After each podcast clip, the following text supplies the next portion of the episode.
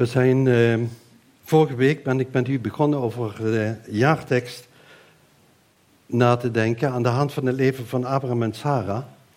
En op 99-jarige leeftijd nodigt God Abraham uit met de woorden: Ik ben God de Almachtige, wandel voor mijn aangezicht en wees oprecht. Dat was eigenlijk al begonnen op 75, 75-jarige leeftijd, dat God hem eh, riep en die belofte gaf. Maar het was de vraag of Abraham, toen hij die belofte kreeg en geroepen werd, of hij zijn veilige wereld wilde achterlaten. Of hij het vertrouwen had om God te volgen, of hij zijn ambities die hij zeker had, ehm, of hij die wilde loslaten. Of hij bereid was om zijn plannen op te geven om Gods weg te volgen. En we hebben vorige week hebben we zo nagedacht dat eh, door dit te doen werd eh, eh, Abraham een volgeling. Hij werd een vriend van God. Hij werd een vreemdeling en is een voorbeeld geworden voor toen en ook voor nu. Maar ik wil met u vanmorgen wil ik met u nadenken over wat dat nu te betekenen had. Dat Abraham en Sarah God gingen volgen. Dat ze hem gingen wandelen voor zijn aangezicht.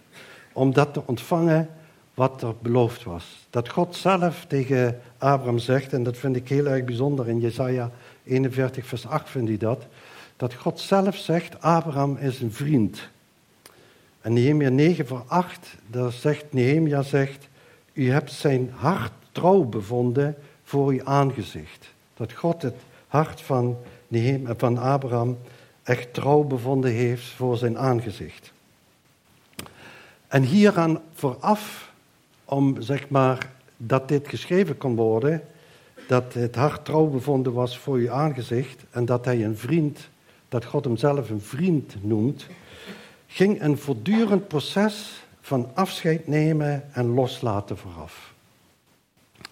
Christus volgen is sterven aan jezelf. Het is een voortdurend afscheid nemen en loslaten om dat te ontvangen wat niets kan overtreffen.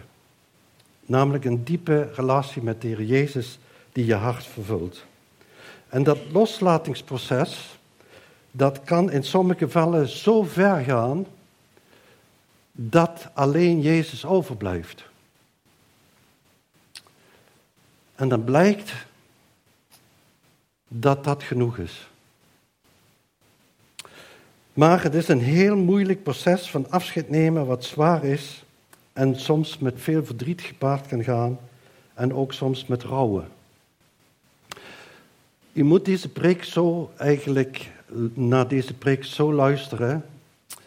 Er was een bepaald moment in mijn leven dat ik een heel belangrijke besluit moest nemen. Dat had nogal ingrijpende, uh, ingrijpende uh, gevolgen. En toen had ik een gesprek met Henk Binnendijk. En Henk die zei tegen mij, Miel, God wil, God vraagt niks van je. Hij heeft niks nodig. Hij vraagt niks aan je. Hij biedt je wat aan. En dat was cruciaal. Dat ik ging zien dat God van ons, van Rietje mij, dingen niet vroeg, maar dat hij iets aanbood. Maar dat maakte het niet, dan niet makkelijker om, want om eh, in het, zoals Abraham, zeg maar, zoals Abraham, voor hem betekende dat, dat hij in het centrum van Gods wil ging leven en dat hij ging leven tot lof en heerlijkheid van de Heere God, maar dat hij afscheid moest nemen. En dat ging met vallen en opstaan, met struikelen, met vergeving ontvangen. Maar waar moest hij naartoe? Want hij had geen bestemming. Ik heb vorige week heb ik met jullie nagedacht dat de God een gids wil zijn en dat hij niet een wegwijzer is. Een wegwijzer die wijst je alleen de weg.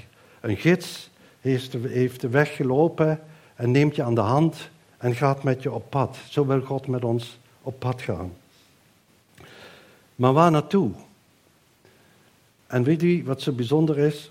Waar naartoe is waar de belofte ligt.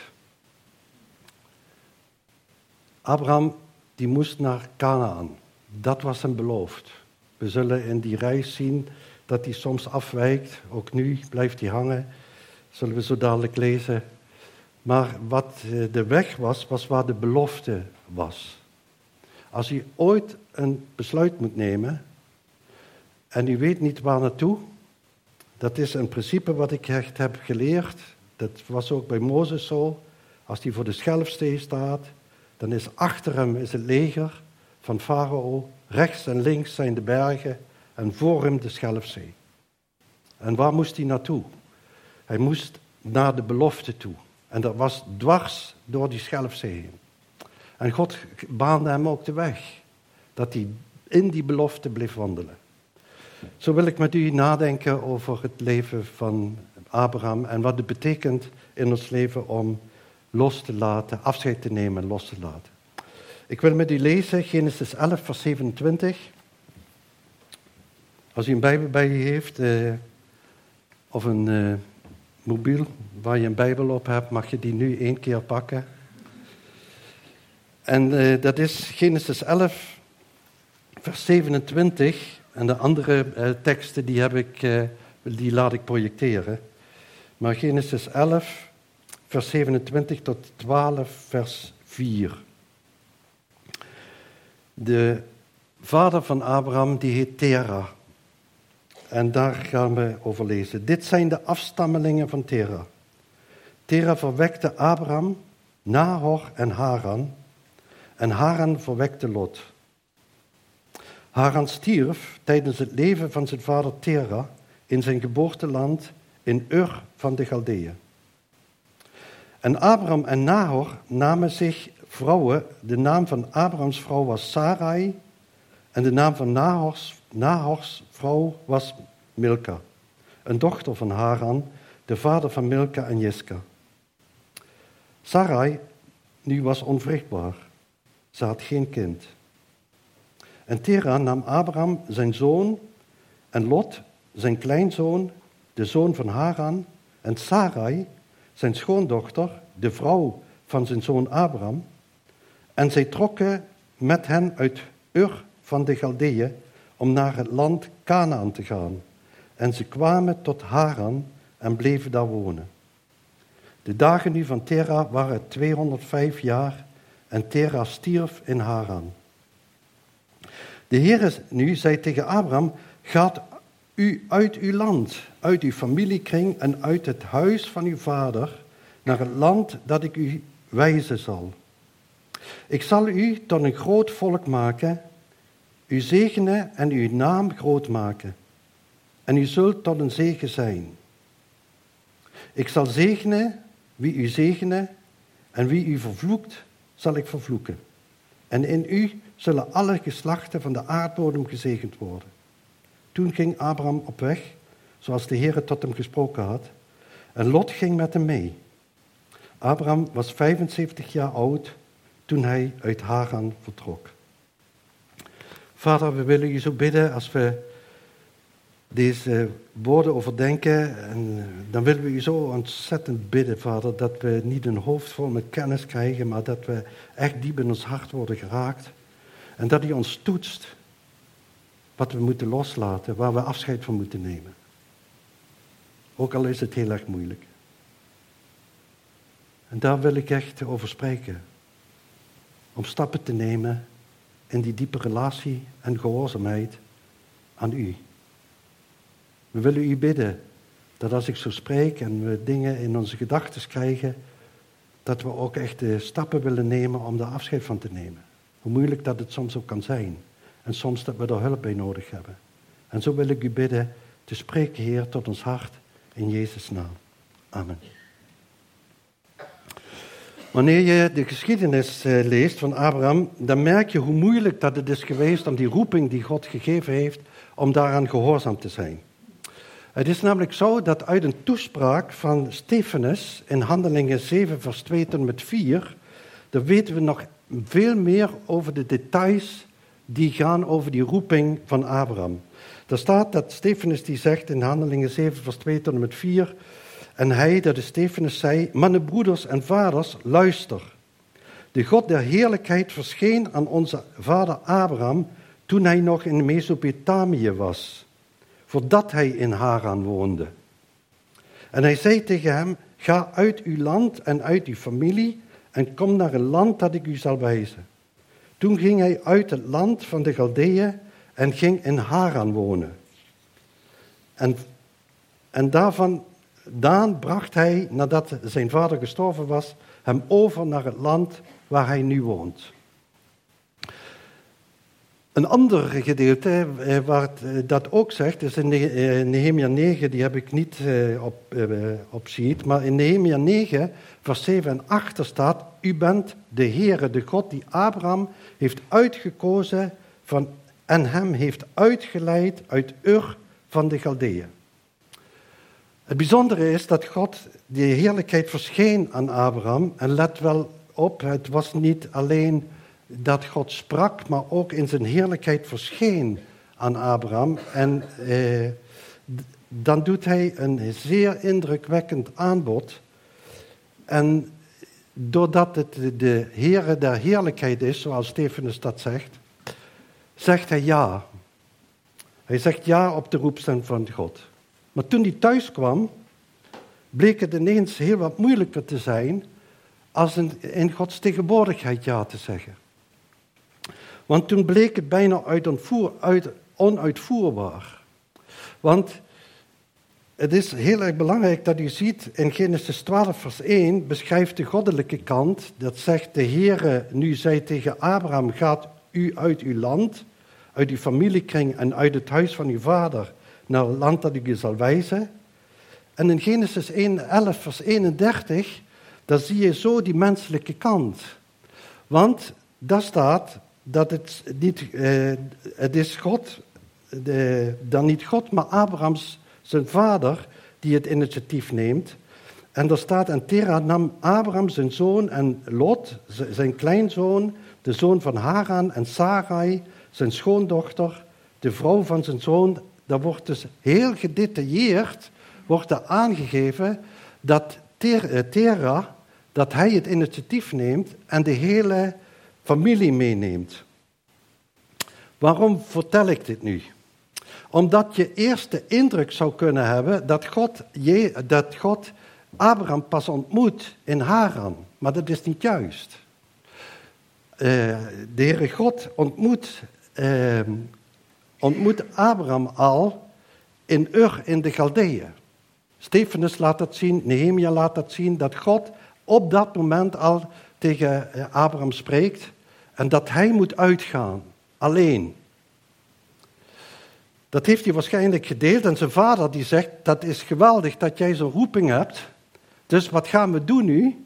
We gaan met het hele gezin, we gaan met de hele clan, we gaan met de hele familie. En wat gebeurt dan? In plaats dat ze dus in Canaan aankomen, is het zo dat ze in Haran stranden. Daar blijven ze hangen. Daar spreekt God weer. En dan zie je eigenlijk dat gaat uit uw land, uit uw familiekring en uit het huis van uw vader. Dat is een exclusieve roeping die op Abraham zijn leven ligt. Dus zonder familie. En dus is het een hele persoonlijke roeping. En dat is een roeping, is dat vaak zo. Een roeping die heel persoonlijk is. Een persoonlijke aangelegenheid. En Abraham blijft dus door het initiatief van zijn vader steken in Haran, waar ook nog zijn neef Lot bij is. En dat moet ontzettend moeilijk zijn geweest. Omdat hij wist dat God gezegd had dat hij daar naartoe was, moest gaan, naar Canaan, alleen. En hij was met de hele familie was hij onderweg, waarbij zijn vader eigenlijk het initiatief had genomen. En als je die hele cultuur kent, wat toen was, dan was het eigenlijk zo dat de vader, dat was zeg maar de persoon die de hele clan eigenlijk leidde.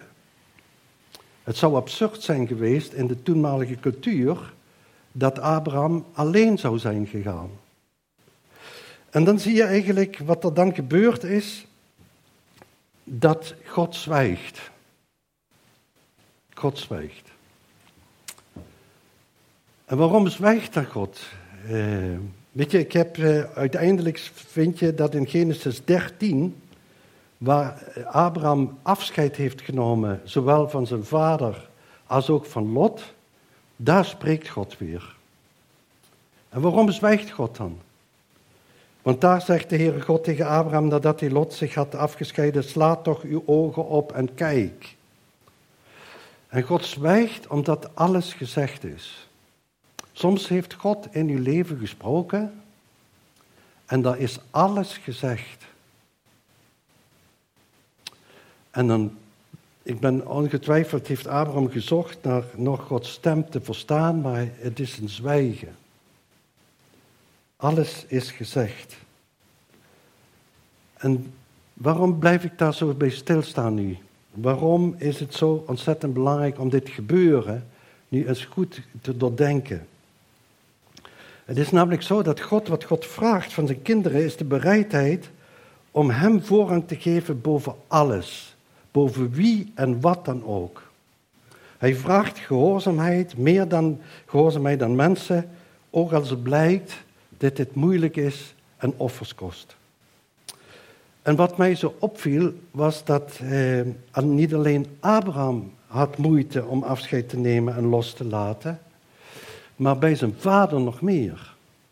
Zijn vader had nog meer moeite om zeg maar los te laten. Hij neemt namelijk het initiatief om, ook al is het in overeenstemming, althans wat de bestemming betreft, dat hij het initiatief neemt om naar Canaan te gaan, is het nog niet hetgene wat God vraagt.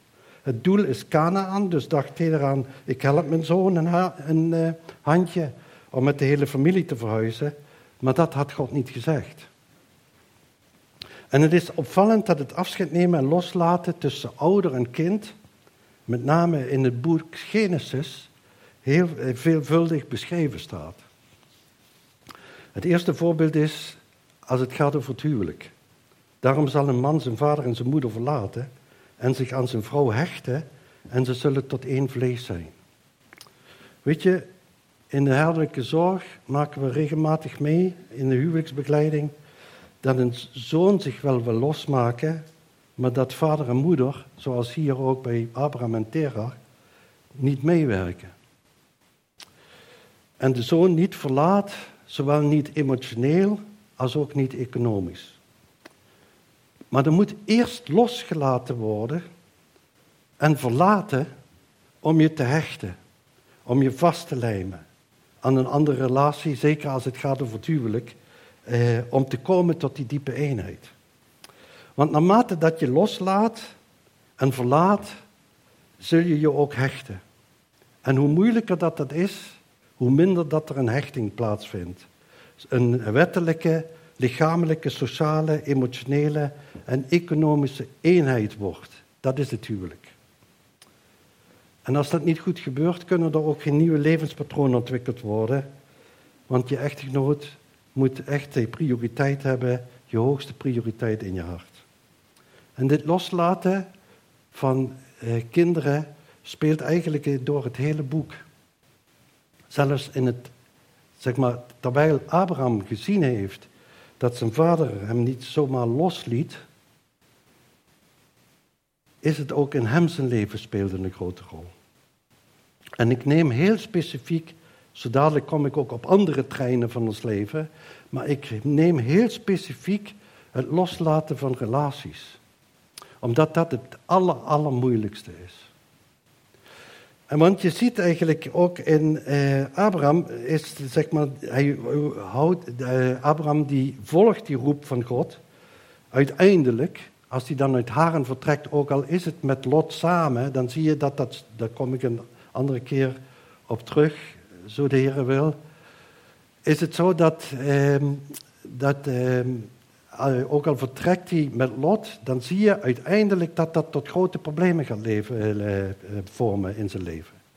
En het kan pas vervuld worden als hij ook van zijn neef Lot afscheid heeft genomen. Dan geeft hij hem het beste stuk van het land en hij gaat een andere kant op. Maar, op dit, uh, maar het afscheid nemen van relaties was een van de grootste problemen. En ook al heeft Abraham dat gemerkt en zelf ondervonden, ook speelt dat bij hem in zijn relatie met zijn kinderen, met zijn kind. Ik moest denken aan die grote vraag van die God hem stelt eh, eigenlijk in die situatie met Isaac. De oproep die is hartstikke duidelijk. Wat God daar vraagt is, hij zegt tegen Abraham, neem je zoon, uw enige, die u lief hebt. Dat spreekt eigenlijk al alles uit. Neem je zoon, uw enige, die u lief hebt. Want die zoon, Isaac, vertegenwoordigt alles wat Abraham heilig is. De belofte van God, de lang gekoesterde messiaanse droom dat alle volkeren hierin gezegend zouden worden, die belofte lag in Isaac. En toen zag je eigenlijk dat God hen wilde bewaren voor een onzuivere liefde, een onzuiverheid in die liefde. In die liefde. Want hij wilde de zoon en de, en de vader, wilde die, zeg maar, beproeven. En die vuurproef, dat was voor Abraham, in de, die vuurproef was, in hoeverre is Isaac een afgod in je hart geworden? In hoeverre belemmert hij datgene waar ik, de roeping die ik op je leven heb? En dan zie je eigenlijk in het eh, leven van Abraham dat die vuurproef, die doorstaat hij doordat in Hebreeën 11 vers 18, daar is iets van een intense strijd in zijn leven, waarin dan staat hij overlegde bij zichzelf dat God bij machten was Isaac zelfs uit de doden op te werken. En daarmee heiligde de Heere God het hart van Abraham. Want een afgod, dat iemand anders de hoogste prioriteit in je leven heeft, dat toetst God in je leven. Als we niet voor die keuze komen te staan tussen mens, tussen mens en gehoorzaamheid naar God, weten we niet wat de hoogste prioriteit in ons leven heeft. Weten we niet of er een afgod in ons leven is die onze diepe relatie met God in de weg staat. En dan noem ik nu relaties, maar dat kan ook je carrière zijn, dat kan geld zijn, dat kan macht zijn, dat kan rijkdom zijn, dat kan aanzien zijn. En ook in ons eigen leven moest ik dat meemaken. Iedereen die hier zit zal dat meemaken, dat op een gegeven moment je ouders moet loslaten. Dat je de kerk waar wij uitkwamen, moesten we loslaten. Voor sommige familieleden moesten we loslaten. Mijn bedrijf moest ik in Gods handen leggen en afscheid van nemen.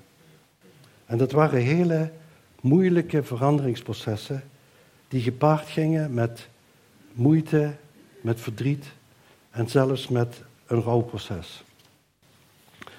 En weet je, een rouwproces, daarin weet je, het zal niet meer zo worden als het is. En het bijzondere is, daarom ben ik ook begonnen met te zeggen dat God vraagt niets van je. Hij neemt je niks af.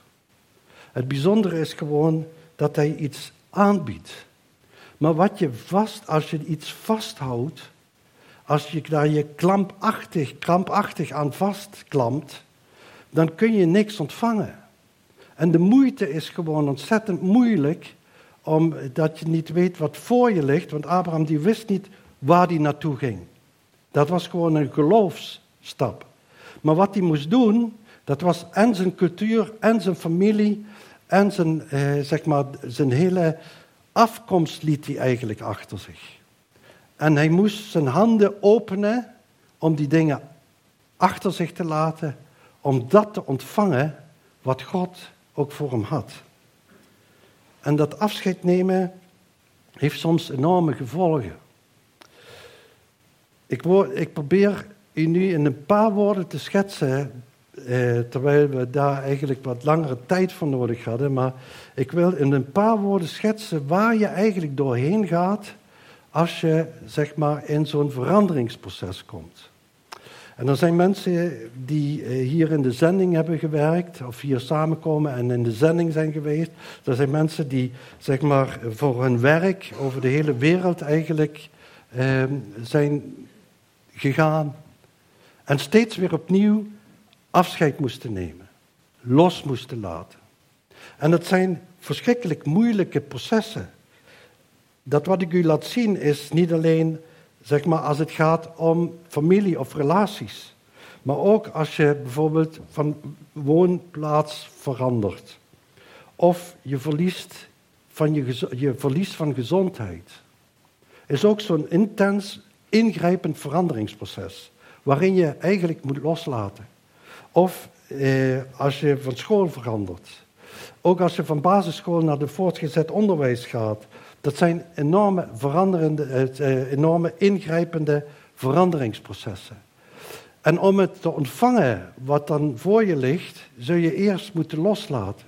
Maar het proces wat er eigenlijk dan in die transitieervaring of dat veranderingsproces, zijn verschillende stappen. Het eerste is eigenlijk, weet je, je hoort ergens bij. Dus je hebt het over verhuizing, zending, ik wil het echt breder maken. Een baan, andere school, echtscheiding, van school naar werk, van het huis uit en zelfstandig gaan wonen. Het horen bij is namelijk, je hoort ergens bij, bij een familie of een kerk. Zoals Abraham, hij hoorde ergens bij. En dat was veilig. Je bent gekend, je maakt deel uit van een kerk of van een familie. Dat geeft veiligheid, dat geeft zekerheid. En je leeft ook echt in een, in een verwachting wat God geeft op dat moment. Omdat het vertrouwd is. Omdat het, zeg maar, je, je bent in een setting, ben je, eh, zeg maar, eh, zoals hij, eh, comfortabel is het. En dan komt er een losmakingsproces. En dat losmakingsproces, dat is met, gepaard gaat dat met afscheid nemen. Maar er worden ook banden worden losgemaakt, familie wordt losgemaakt, rollen worden overgedragen. Soms volgt er op onbegrip. Ik denk niet dat Abraham heel veel begrip heeft gevonden met Sarah. En eh, verdriet, twijfel. Soms is het zelfs dat je iets achterlaat en je daarover schuldgevoelens kunt ontvangen. En dan komt er een overgang, een overgangsstatus. En die overgangsstatus, dat is dat uh, die, wat je meemaakt, gaat vaak gebrek, dat er gebrek is aan structuur. Het vertrouwde is weg. Er vindt een vervreemding plaats in de relaties die je dierbaar zijn. Je rouwt over de verliezen.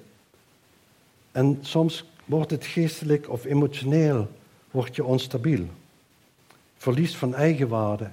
De vraag is, wat kan ik eigenlijk nog? Wat ik zelf eh, heb meegemaakt in het proces, dat was dat uiteindelijk als je met pensioen gaat, nu kun je bij mij niet zo direct spreken over pensioen, maar ik heb de status als gepensioneerd. Maar toen ik mijn werk eh, zeg maar, achter me liet, was alle kennis die ik in 40 jaar had opgebouwd, die was waardeloos. Ineens waardeloos geworden.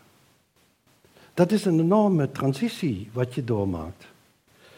En dan komt er de volgende stap, is dat je opnieuw gaat beginnen. Er is onzekerheid. Je bent kwetsbaar. Je bent bang. Je zoekt naar Gods wil. En uiteindelijk kom je weer in een situatie terecht dat je weer ergens bij hoort. Dat er, je hebt het gevoel dat je er weer bij bent, dat je er weer een nieuwe vriendschappen, je bent weer deel van een gemeenschap van, of van een gemeente. En dat zijn enorme transities die mensen soms doormaken. Waarbij ze zich eigenlijk vaak niet realiseren in wat voor een proces dat ze eigenlijk zitten. En dit is een heel complex iets om los te laten en afscheid te nemen. En diegenen die dat door heen zijn gegaan, ook als je zeg maar ineens je, iets van gezondheid, dat je gezondheid eh, heel, eh, dat je heel erg ziek wordt, dan zie je eigenlijk diezelfde losmaking. Zonder dat je het wil, word je eigenlijk losgemaakt. Er komt een overgang van status. En eigenlijk, ook al ga je niet uit de gemeenschap of ben je niet uit de kerk, dan nog is het heel vaak zo dat je opnieuw moet beginnen, de relaties opnieuw moet uh, leggen, tot je weer erbij, hoort. Nou, ik schets u dat om een beetje de, zeg maar, de strijd eh, te laten zien, hoe moeilijk dat het soms is. Hoe moeilijk het is om van ergens bij te horen en die zekerheid te kennen, losgemaakt te worden, in een situatie te komen waar je eigenlijk geen houvast hebt, geen structuur. En dat je dan uiteindelijk eh, de moed krijgt om opnieuw te beginnen en uiteindelijk weer terugkijkt en zegt, maar Heer, wat u me gegeven heeft, is vele malen groter als wat ik heb achtergelaten. Maar die strijd, die is er. En weet je, een mens moet natuurlijk gezonde relaties hebben. En die doen hem heel erg groeien. Die helpen je goede relaties om naar het beeld van Christus gevormd te worden. Maar je mag niet toelaten dat relaties ons afdrijven van God. Dat je meer, geleid, eh, meer naar iets eh, geleid wordt wat verkeerd is. Of dat relaties een plek gaan innemen die eigenlijk God alleen mag behoren.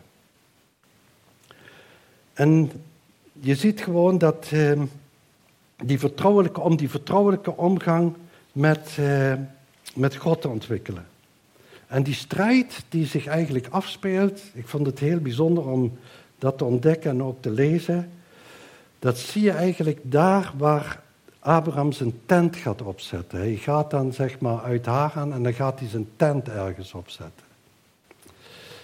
En dan lezen we in Genesis 12, dan lezen we dat hij zijn tent opzette tussen Bethel in het westen en Ai in het oosten. En daarin zie je eigenlijk de strijd die hij, dat spanningsveld waarin hij eigenlijk in zit. Ik leg je dat uit, want die symbolen, die symboliseren iets, die steden. Die symboliseren iets wat zich voortdurend eigenlijk afspeelt in het leven van, van, van Abraham. Dat hij daar nu net de tent opzet en ook daar een altaar bouwt. Want Ai, de naam zegt het al, Ai, hè, Ai dat, is een, dat is een plaats in Canaan waar Israël door zonde van de Achan de eerste nederlaag leidt. Ai betekent ook puinhoop. Puinhoop. Het is ook de stad die door Jozua wordt verbrand en tot een altijd durende puinhoop en moesternij wordt gemaakt. In Jozua 8, vers 28. En aan de westenkant is het huis van God. De plaats waar God zich ook aan Jacob openbaart. En eigenlijk zie je in beide steden wat zich symbolisch eigenlijk afspeelt in het leven van Abraham. Er is een ijzijde, heb ik het genoemd, zo'n menselijke kant, die leidt met veel moeite en verdriet en woestenij.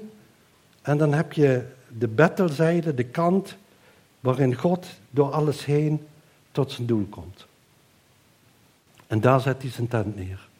En bouwt hij een altaar om de Heere God een offer te brengen. De strijd en de moeite die hem tot God trekt. En dan zie je ook dat zijn afhankelijkheid groeit. Hij ervaart die strijd en bouwt een altaar. En dat altaar, dat zie ik ook echt zo als een heel bijzonder symbolisch iets. Omdat het altaar verwijst naar het altaar wat ooit zou opgericht worden in Golgotha.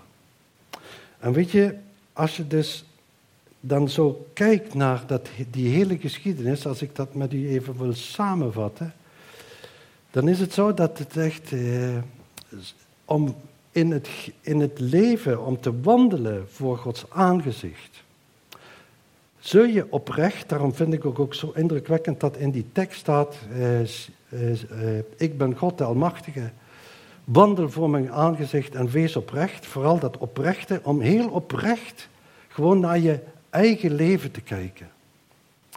En dan, als je wil wandelen voor Gods aangezicht, is een van de kenmerken is dat je dingen moet gaan loslaten. En dat we ervan echt moeten, dat, komt, dat kan gepaard gaan met hevige strijd in je leven. Dat kan gepaard gaan dat je door een heel proces heen gaat. Van loslaten, van afscheid nemen, van een, eh, een overgang dat je van uh, horen bij loslaat en dat je dan in een niemandsland even terechtkomt. En dat je weer opnieuw moet beginnen en dat je dan echt dat ontvangt wat God voor je heeft. En die twee steden, Ai, puinhoop, en de andere kant huis Gods, Bethel, dat je daartussenin zegt van Heere God, waar ik wil schuilen, is bij het altaar, bij Golgotha. Daar wil ik me naartoe vluchten. Als er een moment is van vluchten, als er een moment is van het niet meer weten, dat je daar een veilige plek weet. Een veilige plaats weet. Nu hoop ik dat u echt, het fijne, bijzondere is eigenlijk, dat we mogen zien, en daar sluit ik mee af, dat we mogen zien dat we op weg zijn naar waar naartoe? Waar zijn we naartoe aan bewegen?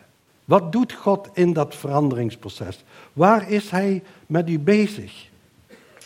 Wat wil Hij uiteindelijk bereiken? Ik koester die, dat gebed van de Heer Jezus. In Johannes 17, daar staat hij, zeg maar, voor het kruis. En, en, en bidt hij voor u, voor mij, voor ons. En dan bidt hij het volgende, Vader, zegt hij in Johannes 17, vers 24, ik wil dat waar ik ben, ook zij bij mij zijn, die u mij gegeven hebt. Opdat zij mijn heerlijkheid zien, die u mij gegeven hebt, opdat u mij hebt liefgehad voor de grondlegging der wereld. En dat is het uitzicht. Dat is de weg naartoe. Dat is om uiteindelijk klaargemaakt te worden, dat u hier klaargemaakt wordt met het loslaten en het gevormd worden naar het beeld van Christus en in die heiligheid te komen van de Heere God, dat je klaargemaakt wordt om die heerlijkheid van Christus ook te zien en daar ook van te genieten. Dat is uiteindelijk het doel waar God met u op weg is. En dat betekent vaak regelmatig de moeite te kennen van afscheid te nemen van zaken en los te laten. En nu wil ik eigenlijk u graag even een moment van stilte. Weet u, misschien heeft God, de Heilige Geest, u bepaald bij iets waarvan u al weet, toen u misschien de brief al kreeg van de gemeente, eh, die voorbereiding op deze dag, dat u weet, Heer, dit moet ik gaan loslaten.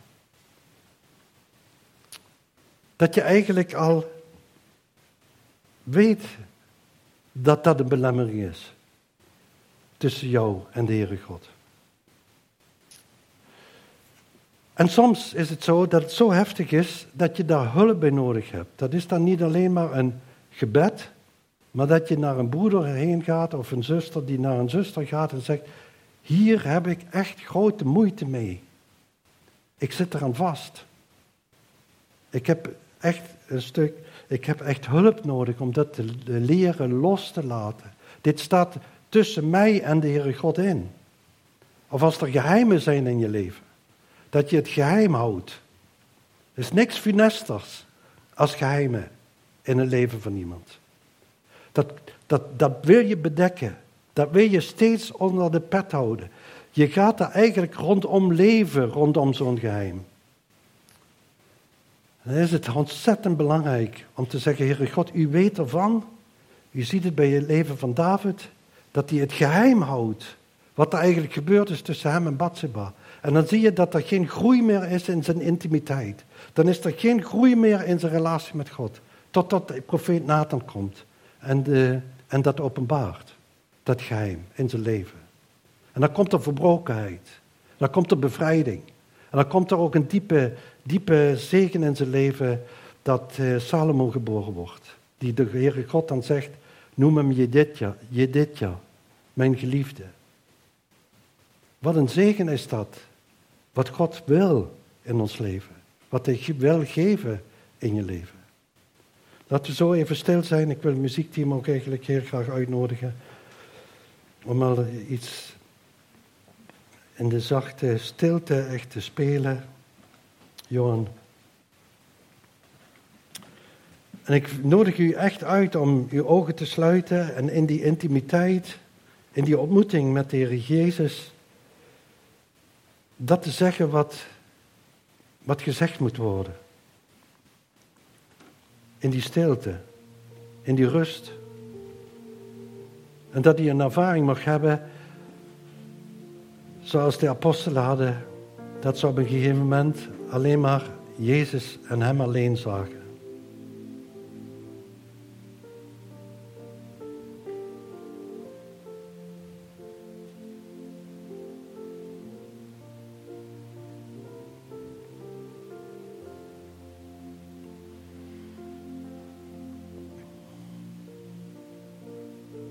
Vader, u wilt waarheid in het verborgene.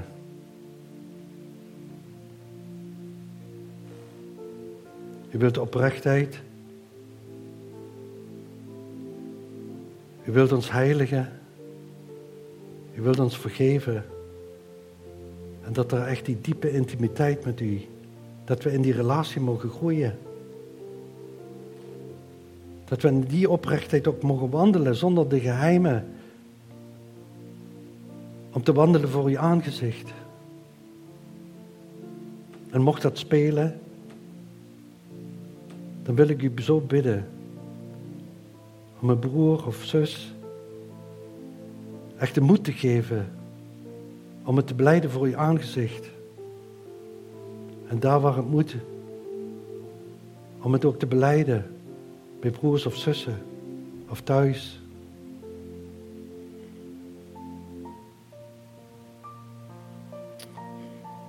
Heer, u vraagt niets van ons. U heeft niets van Abraham gevraagd. U biedt hem iets aan.